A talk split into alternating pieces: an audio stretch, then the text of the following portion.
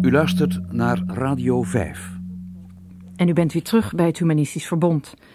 Straks om half drie de verbeelding waarin de oud-Germaanse mythen uit de Edda weer tot leven worden gebracht. Maar eerst nu het gesprek in Boven het Dal. Hanneke van Veen en Rob van Ede leiden tot 1991 het comfortabele bestaan van bovenmodale tweeverdieners. Daar hadden ze echter genoeg van en ze werden steeds krenteriger. En in navolging van een Amerikaans voorbeeld begonnen zij in 1992 met de Vrekkenkrant. Tevens richtten zij de stichting Zuinigheid met Vlijt op. Inmiddels hebben zij al twee boekjes over zuinig leven gepubliceerd en is vrek zijn een bijna fulltime bezigheid geworden. Zij besparen nu jaarlijks vele duizenden guldens. Niet zelden krijgen ze heftige reacties op hun levensstijl. Maar de media vinden het prachtig en portretteren hen graag als de Gert en Hermien van de nieuwe zuinigheid. Vandaag spreek ik met ze in Boven Dal, Hanneke van Veen en Rob van Eden. Van harte welkom. Um, Rob van Eden, u uh, stuurde mij een keer een briefje en daarin uh, schreef u dat uh, bewustwording van hoe we met geld omgaan en hoe geld ons leven bepaalt, ertoe leidt dat er meer ruimte komt voor zaken die belangrijker zijn dan geld.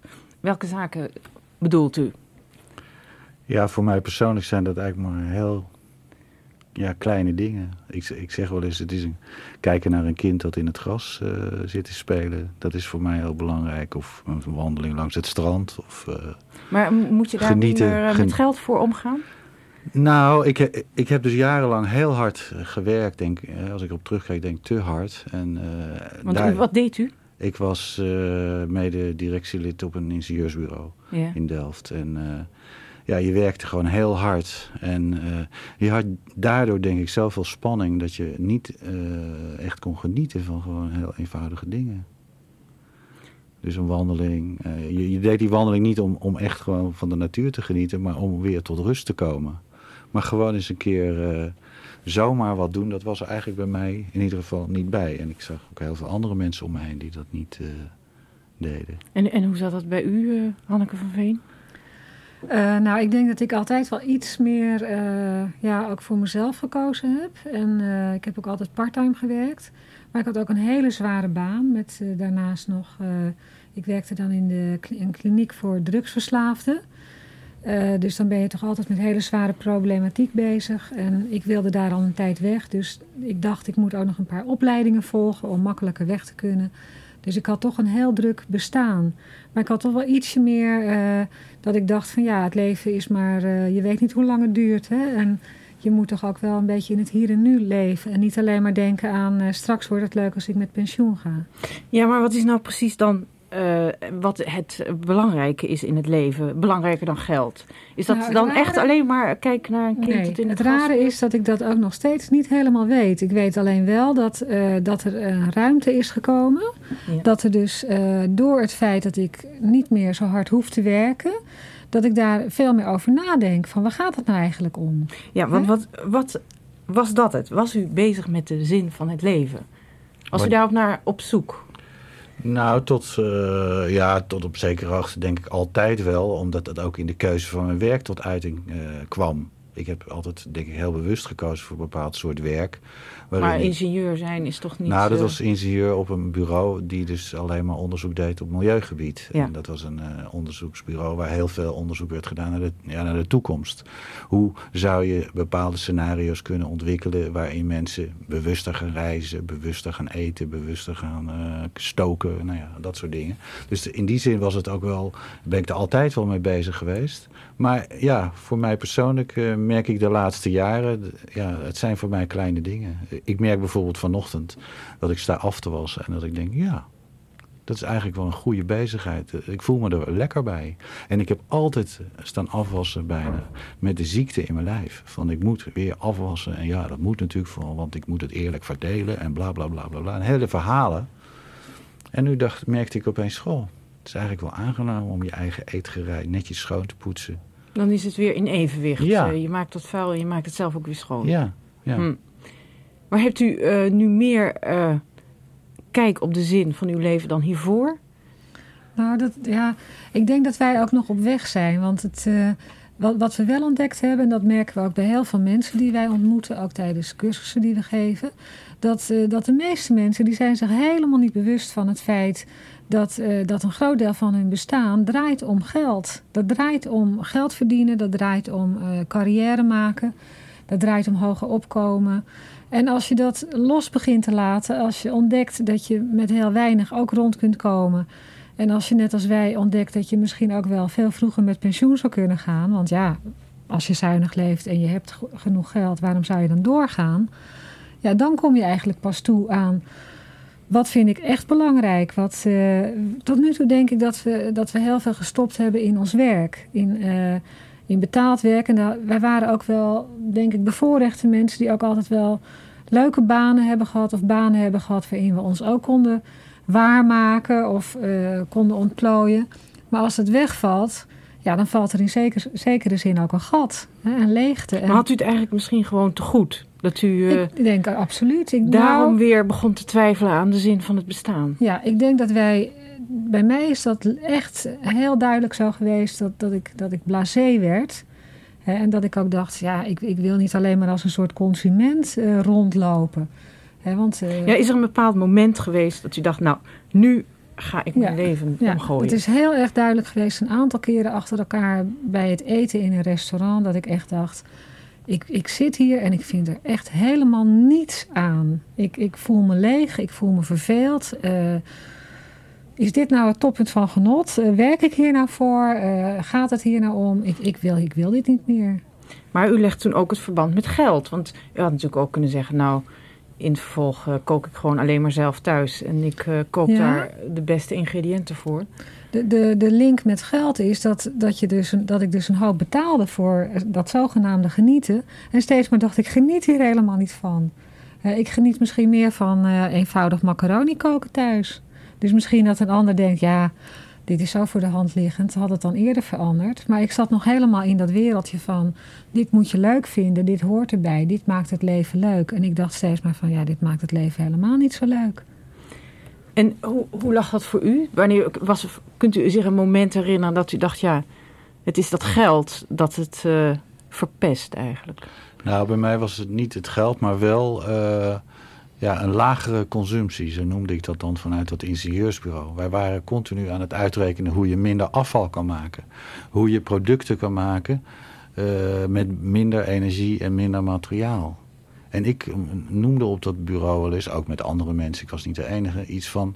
Goh, zou je ook niet aan de consumptie wat kunnen doen? Als we allemaal nou 10% minder gaan eten, hè, of gaan reizen, of gaan uh, producten kopen, dan hebben we toch ook 10% minder afval en 10% minder energie om het, om het te maken.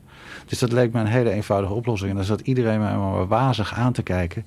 En dan dacht ik, ja, ik begrijp het ook wel, want iedereen had daar ook een tweede huis en een bootje en een dit dus dat en was dat. Nogal het, hypocriet daar op dat bureau. Nou, ik denk dat het ten opzichte van een heleboel andere bureaus nog best uh, heel aardig uh, ging. En dat, hè, dat als je het vergelijkt, dat het allemaal nog wel meeviel. Maar voor mezelf begon het dus op een bepaald moment te knellen. Ik dacht van ja, we rekenen, we hebben een meterrapport inmiddels waarin staat dat de consumptie terug moet. Dat als je duurzaam wilt leven in Nederland en in het Westen, dat, uh, en als je wilt dat de mensen in de derde wereld een stuk uh, ontwikkeling die ze gewoon grijpen en terecht ook. Hè, die willen gewoon uh, ook een televisie of een ijskat en dat soort dingen. En dat, dat, kan je ze niet onthouden. Trouwens, daar hebben we niks over te zeggen, dat doen ze toch. Dus ik dacht ja, eigenlijk is het al lang uitgerekend. We zouden allemaal een stukje, stukje terug moeten. En toen we, dacht u, dan begin ik ook zelf. Nou, mijn vrouw die begon dus eigenlijk te zeggen van... Goh Rob, jij zegt dat nou zelf allemaal wel... van dat sobere scenario, zo noemde ik dat. Hmm. Maar zou het niet leuk zijn als je bijvoorbeeld eerst eens je schulden ging afbetalen? Want ik had, dus, die had u? ik had gewoon schulden. Ik, ik verdiende dus enorm veel, naar mijn idee. Hè, 7000 gulden in de maand. Schoon? Nee, bruto zoiets van 4500, of netto zoiets van 4500 gulden schoon. En uh, dat ging uh, glad de deur uit iedere maand. Iets meer dus, want ik had schulden. Hè? Dus toen zei Hanneke, goh, als je dat sobere scenario nou eens op jezelf toepast... dan zou je dus uh, misschien die schulden wel kunnen afbetalen. En toen ik me dus begon te realiseren dat dat inderdaad zou kunnen... dat, dat het misschien wel mogelijk zou zijn dat ik duizenden guldens per jaar zou kunnen besparen... toen dacht ik zoiets van ja, ik ben het aan mezelf verplicht eigenlijk om het te doen. Maar ik dacht ook van, goh, ik vind het wel gek om eens te proberen voor een paar maanden. Ja, dit is toch ook weer de nieuwe uitdaging Ja, die u ja. rook. Ja. Ja. Ehm, nu is eh vrek zijn eh, is iets wat eh, veel emoties oproept. Ik merk het zelf toen ik vertelde in de redactie dat ik u ging interviewen.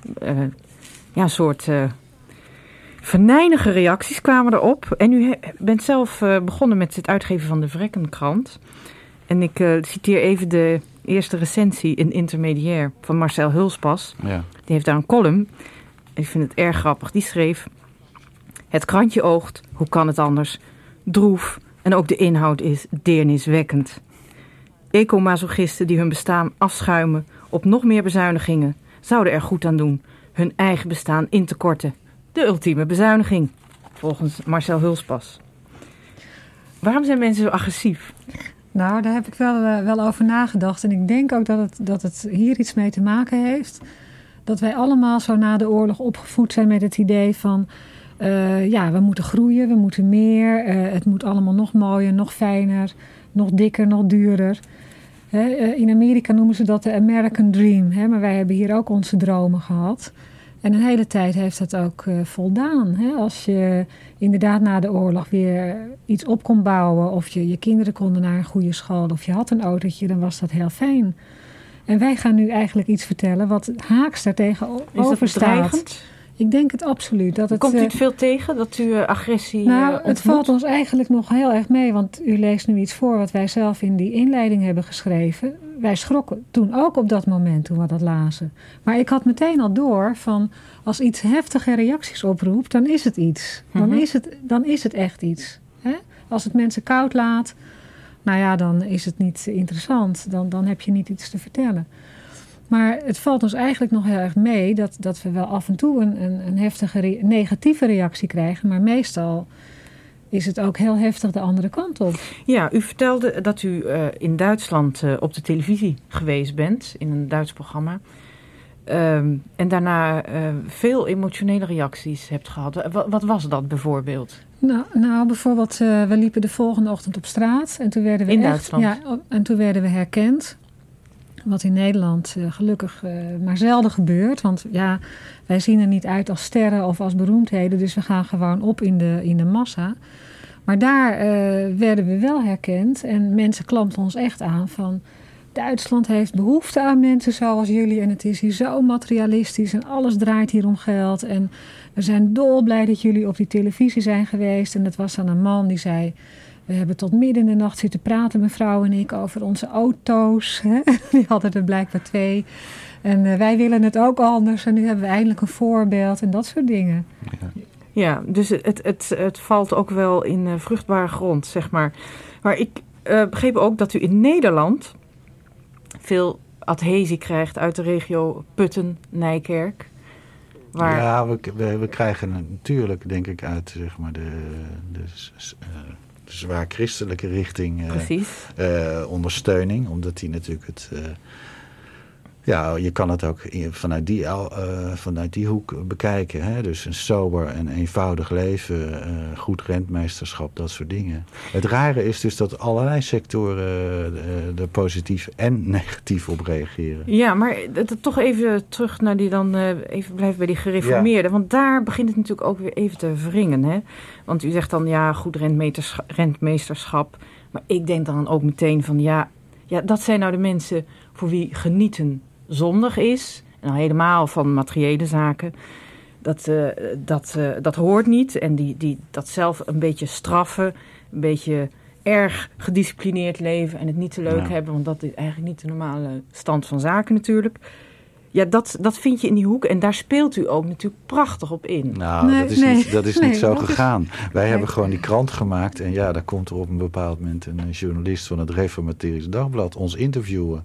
En dan stromen de interviews uit Putten en Nijkerk Ja, dat gaat inderdaad als toe. godswoord in een ouderling. Ja, precies, nee ja. maar ik, ik- Ja. dat, dat zie ik toch anders. Want Ja. bij ons is het genieten juist wel heel belangrijk. Ja, wat vindt u van genieten? Wat, wat, Nou, hoe, hoe staat u daar tegenover? Wij, wij, wij stellen dus dat, eh, dat je door terug te gaan niet eh, zoals iedereen verwacht, heel zielig gaat worden en je rot voelt. Uh, wij hebben echt zelf nu de afgelopen drie, vier jaar de ervaring dat ons leven gewoon veel leuker is geworden. Dat klinkt heel onwaarachtig en onwaarschijnlijk, maar het is echt zo. Maar kunt u eens iets noemen uh, over een, iets in uw leven waarin u nu werkelijk daadwerkelijk teruggegaan bent? Op bezuinigd ja? hebt en waar nou, u nu meer geniet? Iets wat we eigenlijk nog niet zo lang doen, dat is dat we de boiler, de elektrische boiler, gewoon af en toe uitzetten. He, dus heel regelmatig gewoon uitzetten.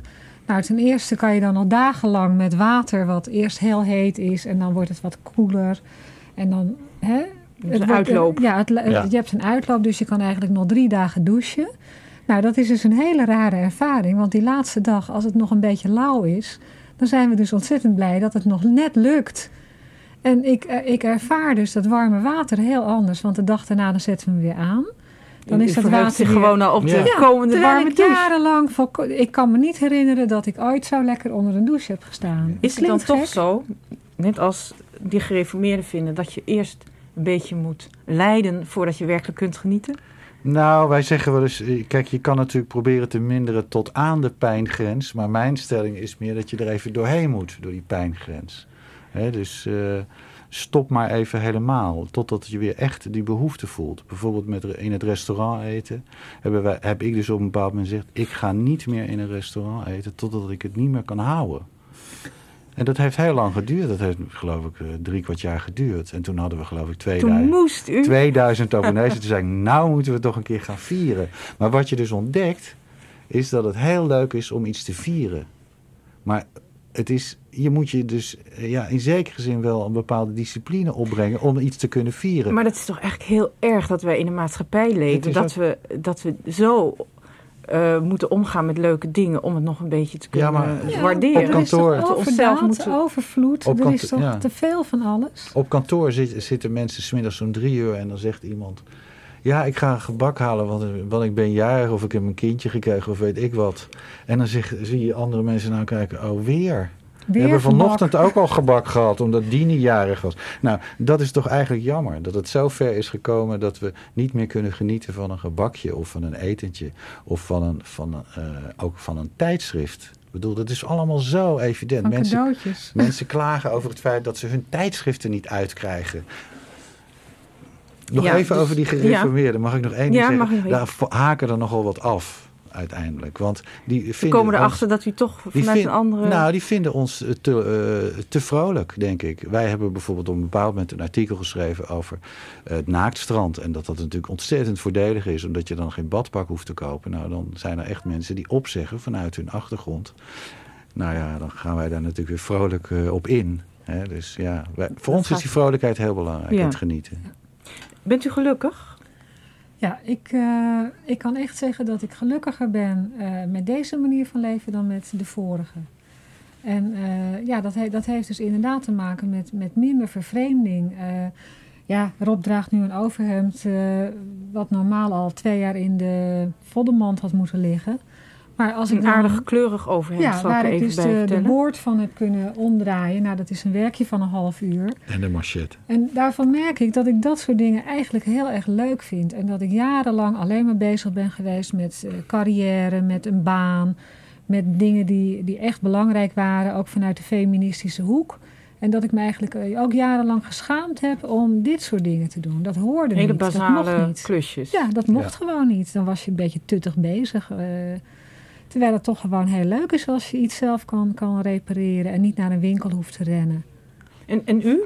Ja, bij mij uh, is het meer verward. Ik, ik, ik, ik voel me gelukkiger uh, dan jaren terug. Ook omdat ik dus uh, mijn schulden heb afbetaald bijvoorbeeld. En eigenlijk nu veel geld overhoud. En dus snel, uh, over een paar jaar zou ik gewoon helemaal kunnen stoppen met werken. Maar wat ik dus nu ontdek is dat ik toch wel heel erg vastzit aan dat idee van dat ik moet werken. Het is voor mij uh, niet alleen maar leuk om me te realiseren dat ik over twee jaar echt zou kunnen stoppen. Dat voelt een beetje als een soort... Uh, ja, ook een beetje als een zwart gat. Van nou, dan, dan heeft niemand me meer, en dan heeft niemand me meer nodig. En uh, ja, moet ik dan nog? Zo, um, um, u leeft zuinig. Ja. Ondertussen verdient u wel. U houdt natuurlijk gigantisch veel geld over. Um, en dan kunt u stoppen met werken. Dat is uw uh, doel. Dat uh, schrijft u ook in die boekjes. Maar uh, werken is natuurlijk meer dan geld verdienen. Ja. Zelfvervulling. Uh, je bent uh, van ja. de straat af. Ja. Maar het is ook absoluut niet mijn bedoeling in ieder geval om te stoppen met werken. Wat, waar ik dus wel naar streef is om op een bepaald moment mijn werk te kunnen kiezen zonder dat geld een argument is. Ik kan dus ook uh, zeggen, ik ga daar en daar werken. En of ik er geld voor krijg of niet, dat zie ik dan wel. Of dat wil ik misschien geen eens. Alleen ik merk dus dat er dan zoveel mogelijkheden komen. En dat komt ook op me af. Dat, dat het niet alleen maar uh, aangenaam is. Want het, het geeft een zekere verantwoordelijkheid. Nu kan je dus echt kiezen. Ja. Nu kan je dus echt gaan kiezen of je oude dames of heren gaat helpen met, met wat dan ook. Of straten gaat vegen. Of whatever. Nou, het lijkt een beetje op het verhaal toen wij onze televisie wegdeden. He, dan ga je inderdaad, uh, ik vond het helemaal niet leuk. Het viel mij ontzettend tegen. En uh, we hebben echt een periode gehad van afkicken, puur afkicken. He, ik heb in een drugskliniek gewerkt en ik merkte dat ik ook door de kamer liep te ijsberen en op mijn horloge liep te kijken. Je liep te zuchten, zuchten en steunen en me echt heel beroerd voelde. Want wat gebeurt er? Je, je, je doet afstand van iets wat je zoet houdt. Hè? Het, zijn gewoon, het is een zoethouder, een televisie. En dan kom je dus... na een tijdje, dan moet je, je merkt dus, ik moet zelf wat doen. Ja. Ik moet zelf die tijd gaan invullen. Ik moet zelf echt iets gaan bedenken wat ik leuk vind. Nu zou ik voor geen geld die televisie meer terug willen. Maar we hebben echt een periode Ja. gehad. Nou, dat was echt een beetje, ja, ik vond het ook een beetje schokkend. En ik, ik wist niet dat ik zo in elkaar zat. Ik wist dat echt niet. Ik dacht, oh, die televisie kijk ik bijna nooit. Dat kan ik makkelijk missen. En iedereen die, eh, die reageert, of niet iedereen, ja, we kennen natuurlijk niet iedereen, maar onze dochter bijvoorbeeld, hè, die reageerde daar ook heel heftig op. Die, die zat toen nog op school, en uh, op HBO-opleiding. En die kwam eens in de week bij ons eten. En meestal na het eten zei ze, ik ga televisie kijken. Dat was normaal uh, gedrag. Gingen we allemaal in de kamer zitten, televisie kijken. Nu uh, zei Hanneke van, uh, nou Barbara, dat zal je niet lukken, want de televisie is weg. Oeps. Toen zei ze, nou dan zul je mij hier niet vaak meer zien. En het, het rare is dus dat sinds die tijd, ja het klinkt enorm oudbollig, eh, zitten we dus memory te doen en Scrabble. En we zitten ontzettend te bomen in de keuken bij de eettafel. En ze, ze komt vanavond weer langs. Uh, dus we zitten tot tien uur ontzettend... Uh, ja. Is het misschien zo dat als je afstand doet van uh, allerlei luxe en eventuele overbodige luxe... en ook stopt met werken, dat je dan eigenlijk pas werkelijk geconfronteerd wordt met hoe je in het leven staat of hoe evenwichtig je bent? Nou, Zou je het zo ik, kunnen zeggen? Ja, in ja. ieder geval veel meer. Ja. He, want uh, ik denk ook dat mensen dingen kopen en, en, en uh, niet omdat ze echt behoefte hebben aan iets, maar omdat ze ook behoefte wordt aangepraat. Ja. En daar zijn wij dus mee bezig om dat een beetje bij onszelf in ieder geval te En u te kijkt of u nog overeind blijft ja, onder te deze omstandigheden. Ja, Ja. maar dat klinkt heel negatief. Van Nou, overeind blijven met die televisie klopt dat. Maar met een heleboel dingen is het, is het gewoon alleen... Ja, is Nou, het aan eigenlijk een, kunt. een ontdekkingsreis ook. Want in plaats van bijvoorbeeld die etentjes komen er uh, allerlei menus uh, op onze uh, tafel te staan. Of recepten komen er van mensen. Van dingen die we helemaal niet, nooit gegeten hadden of niet kenden. Dus er, er komt ook wel iets voor in de plaats. Ja. Um, ik wil nog even terug naar uh, mijn vraag of u uh, gelukkig bent. Ik heb een stellingje. Namelijk dat uh, vrijwillig vrek zijn iets is voor gelukkige mensen. Oh, zeker. nou, vrijwillig vrek zijn is zeker iets voor, iets voor gelukkige mensen. En dat, dat is ook het, het rare. Wij, wij geven dus cursussen, dan ontmoeten we ook vrekken. Want we kregen natuurlijk wel brieven. En we hadden ook wel een beeld van die mensen. Maar nu zien we ze ook echt. We zien ze echt in, in, in levende en zijn leven. gelukkige mensen? Dat zijn ontzettend leuke mensen. En dus ook helemaal niet het beeld wat je hebt van... wat ze ook van ons hebben. Van zuinigerts en gierigaards of krenters. krentenkakkers of weet ja. ik wat. Hè, ja. Of mensen die, die niet van het leven genieten. Het zijn allemaal mensen die zeggen... ik wil dit, ik wil dat, ik ben daarmee bezig. Ik uh, geniet van dit. Ja, want ik zal nog even toelichten mijn stelling. Want ik probeer me voor te stellen. Je bent vrijwillig vrek. Dat betekent automatisch dat je meer thuis zit. Omdat je thuis dingen doet aan het repareren bent. Uh, in je moestuin dingen aan het ja. verbouwen. Um, terwijl uh, ik denk dat uh, veel mensen die ongelukkig zijn. En dat zijn echt niet alleen alleenstaanden. Uh, die hebben juist behoefte om naar buiten te gaan, uh, in een kroeg te zitten. Dan vind je het leuk om te winkelen. En winkelen is troost vaak. Iets Ja. kopen voor jezelf. Ja. Dus hoe, hoe, hoe moet het nou met mensen die niet gelukkig zijn? Hoe kunnen die nou ooit vrijwillig Nou, vrek worden? Ja, als je, dat is dus ook iets. Doordat wij eh, zuinig leven, hebben wij veel meer contact met mensen. Dus het is ook iets om de eenzaamheid op te lossen. Als ik groenten over heb uit mijn tuin, dan gaan ze naar mijn buurvrouw bijvoorbeeld. Hè? Want die wil dat wel. Eh, als wij naar de televisie willen kijken een enkel keertje, kijken we bij hun. We hebben dus een soort Ja, maar u hebt al een soort Ja. bazaal eh, tevredenheid Ja, in uw bestaan. Nou, het is toch, En dat scheelt. Het is toch veranderd. Wij hadden vroeger hadden wij weinig contact met onze buren. En we merken dat door dingen te ruilen en door, dingen, door op een andere manier met dingen bezig te zijn, dat je ook meer contact krijgt. Dat geloof ik zeker. En ik denk dat dat ook voor, voor andere mensen kan gelden. Maar bereikt u die eh, groep van bijvoorbeeld... Ongelukkigen. Ja, ongelukkigen, ja. Nou, ik denk, kijk, wij zijn, Kunt natuurlijk, wij zijn doen? natuurlijk niet op de wereld gekomen om, om, om mensen gelukkig te maken. Wat wij, Ja, maar u wilt wel een idee wat eh, wij vertellen is dat een bepaalde manier van je gedragen, dat als je daartoe besluit, dat dat dus in heel veel situaties wat meer geluk en genieten kan opleveren. En wij eh, hadden eigenlijk toen we begonnen met het blad en met die boeken het idee dat we voor de gemiddelde overconsument eh, werkten, zoals wij dat noemden. Hè? Iemand die dus modaal of meer verdient. Maar het grappige is dus dat er in de cursus ook mensen zitten met een bijstandsuitkering, eh, die twee kinderen hebben en eh, gescheiden en die het echt eh, financieel heel moeilijk hebben.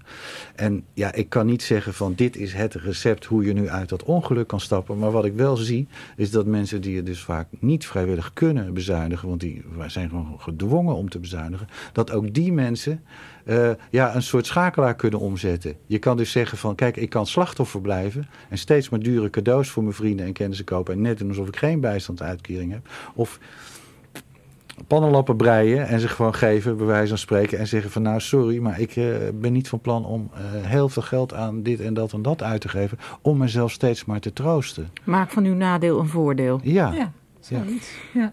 Als ik uw eh, boekjes lees, eh, de ene heet Hoe word ik een echte vrek en de tweede, laatst verschenen, is Meer doen met minder.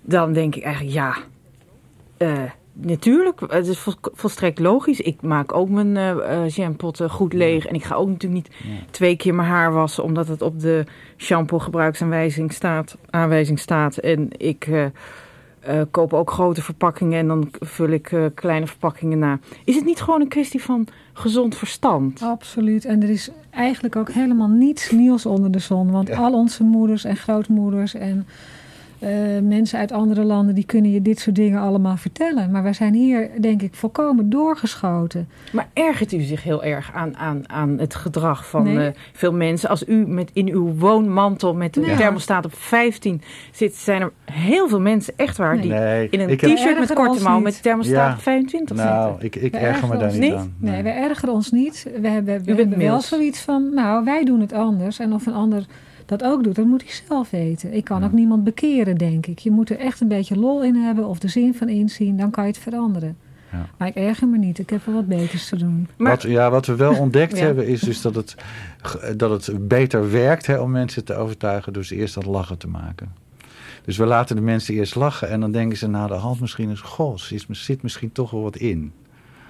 Maar wat wilt u nu bereiken? Waar wilt u op uitkomen met deze boeken? En u geeft nu de cursus Je geld of je leven. Het is een eh, Ja, Amerikaans ja. idee dat u eh, Ja. hier market, zeg, Ja. zeg maar. Ja. Ja. Wa- Waar wilt u uitkomen met dit idee? Nou, er zijn, er zijn een heleboel dingen. Hè, waar, U kunt die- natuurlijk een soort goeroe worden. Ja, dat, dat, dat hoeft niet zozeer.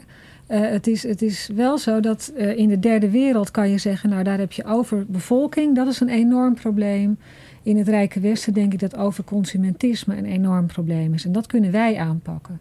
En daarnaast heb je natuurlijk het stuk van auto- autonomie. Als je kan ontsnappen hè, aan die consumptiedwang en aan die koopdwang... nou, dan voel je je gewoon een stuk prettiger. Dan voel je je echt eh, ja, bevrijd. Ik wens u eh, bij uw streven heel veel succes. Bedankt. U hoorde in Boven het Dal Dorothee Forma in gesprek met Hanneke van Veen en Rob van Ede.